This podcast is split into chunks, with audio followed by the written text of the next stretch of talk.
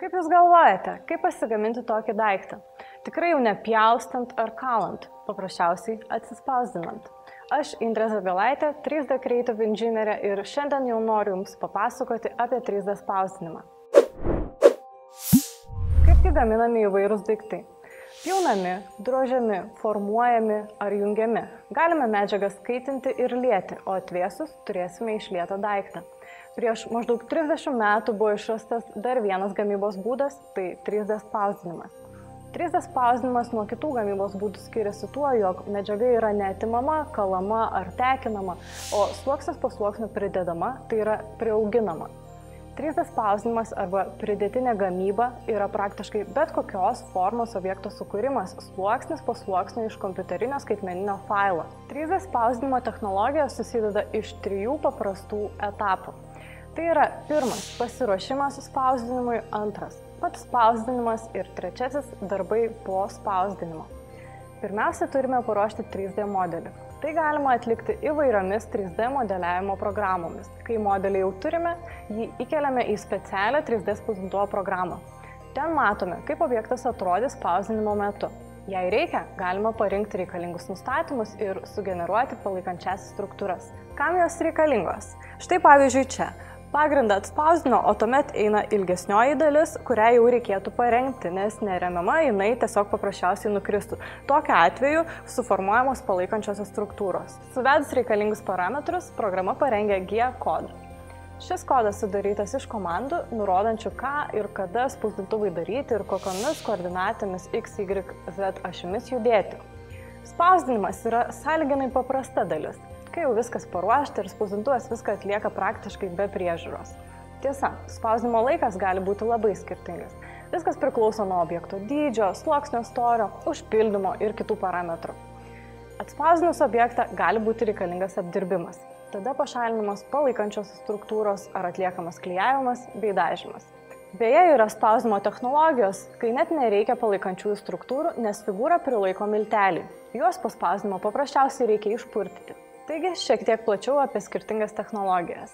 Technologijos skiriasi pagal sluoksnio generavimo būdus, naudojamos medžiagas, greitį ir kitus parametrus. Čia įsižiūrėjus galite pamatyti sluoksnius. Nesunku įsivaizduoti, kaip juda spausdintuvo galva. Atspausdina vieną sluoksnį, truputį pakyla, spausdina antrą sluoksnį ir taip sluoksnis po sluoksnio suformuoja trimatį objektą. Tai FDM – Fuse Deposition Modeling technologija, kuriai naudojama įrytė susukta plastiko vėla. Jos galas spausdintuvo galvutė yra išlydomas ir tekėdamas pro spausdinimo angą piešia kiekvieno sluoksnio kontūrą. Kitai technologijai naudojama dirva. Spausdintuvo apačioje yra vonelė suskista dirva, ji jautri šviesai. Spausdintuve esantis lazeris, šviesdamas brėžia sluoksnio kontūrą, ten, kur patenka jo šviesa, derva sukėtėja, tuomet platforma pakyla ir kietinamas kitas sluoksnis. Įdomu, jog būtent šiuo principu veikia pirmasis pasaulyje 3D spausdintuvas. Kitas būdas - medžiaga gali būti išpurškiama. Tai gali būti vaškas, metalas ar plastikas. Gali būti į medžiagą išpurškiamas ryšiklis. Yra medžiagos miltelių vonelė, reikalingose vietose išpurškiami klyjei. Jie sulibdo miltelius, po spausdinimo nesulibdytus miltelius išpučiame ir gauname objektą. Čia gali būti naudojamas smėlis, gipsas ar metalas. DED arba Direct Energy Deposition technologijoje vyrauja metalai. Tai labai panašu į virinimą.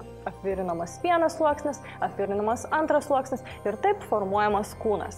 Lapų laminavimo technologijoje naudojamas popierius. Išpilnami kontūrai ir tada tarpusavį suklyjuojama daug lapų. Taip gaunamas reljefas. O spausdinimui naudojamų medžiagų visa galybė. Nors vyrauja plastikas, tačiau galima spausdinimui naudoti net ir maistą. 3D spauda nesilygiuoja į masinę gamybą, šis būdas reikalingas, kai reikia kokio nors prototipo, vienatinio gaminio ar nedidelės gaminių serijos. Atspausdinamas daiktas pasižiūrėti, ar jis patogus, ar tinkamas, optimalus, ar tinkamas jo dizainas. Tik paskui pradedama masinė gamyba. Nuo kartais gaminio net neįmanoma pagaminti jokiais kitais būdais, tik spausdinant. 3D spausdinimas tampa nepamainomų pagalbininkų ir kasdienėje būtyje. Pavyzdžiui, esame gaminę Volvo valytuvo krumpliaraitį. Visas komplektas kainuoja didelius pinigus, o pagaminti vieną detalę yra daug pigiau. Dantų technikams 3D spausdinimas išties palengvina darbą, o vietoje išlietų atspausdinti dantų modeliai sutaupo jų ir pacientų brangų laiką. Štai čia mes pagaminome žandikaulio prototipą, kad chirurgai galėtų atlikti tikslius matavimus gaminant žandikaulio plokštelę prieš ją įsodinant žmogui. Be to, tarptautinė kosmoso stotis turi savo spausdintuvą. Kitaip kiekvienas reikalingas daiktas būtų siunčiamas į Žemės su raketa. Mūsų žinių Lietuvos biochemikų ir odontologų kompetencijos dėka patys vystume pasaulinio lygio inovaciją, kuri iš esmės pakeis kaulų lūžių regeneraciją. Spausdiname smulkės karkasinės struktūras. Juose formuosis kaulinės struktūros. Technologijai sparčiai vystantis į priekį jau atsiranda 3D spausdintuvai spausdinantis nanometrų tikslumu. 3D spausdinimas tai nėra mitais apipintas rytis iš ateities, tai dabartis šalia mūsų, bet tarpiškai įsiliejant į mūsų kasdieninę būtį. Su jumis buvau aš, Indrė Zagalaitė, įsijunkite po mokslą ir kitą kartą, išgirsite apie kitas inovacijas ir technologijas.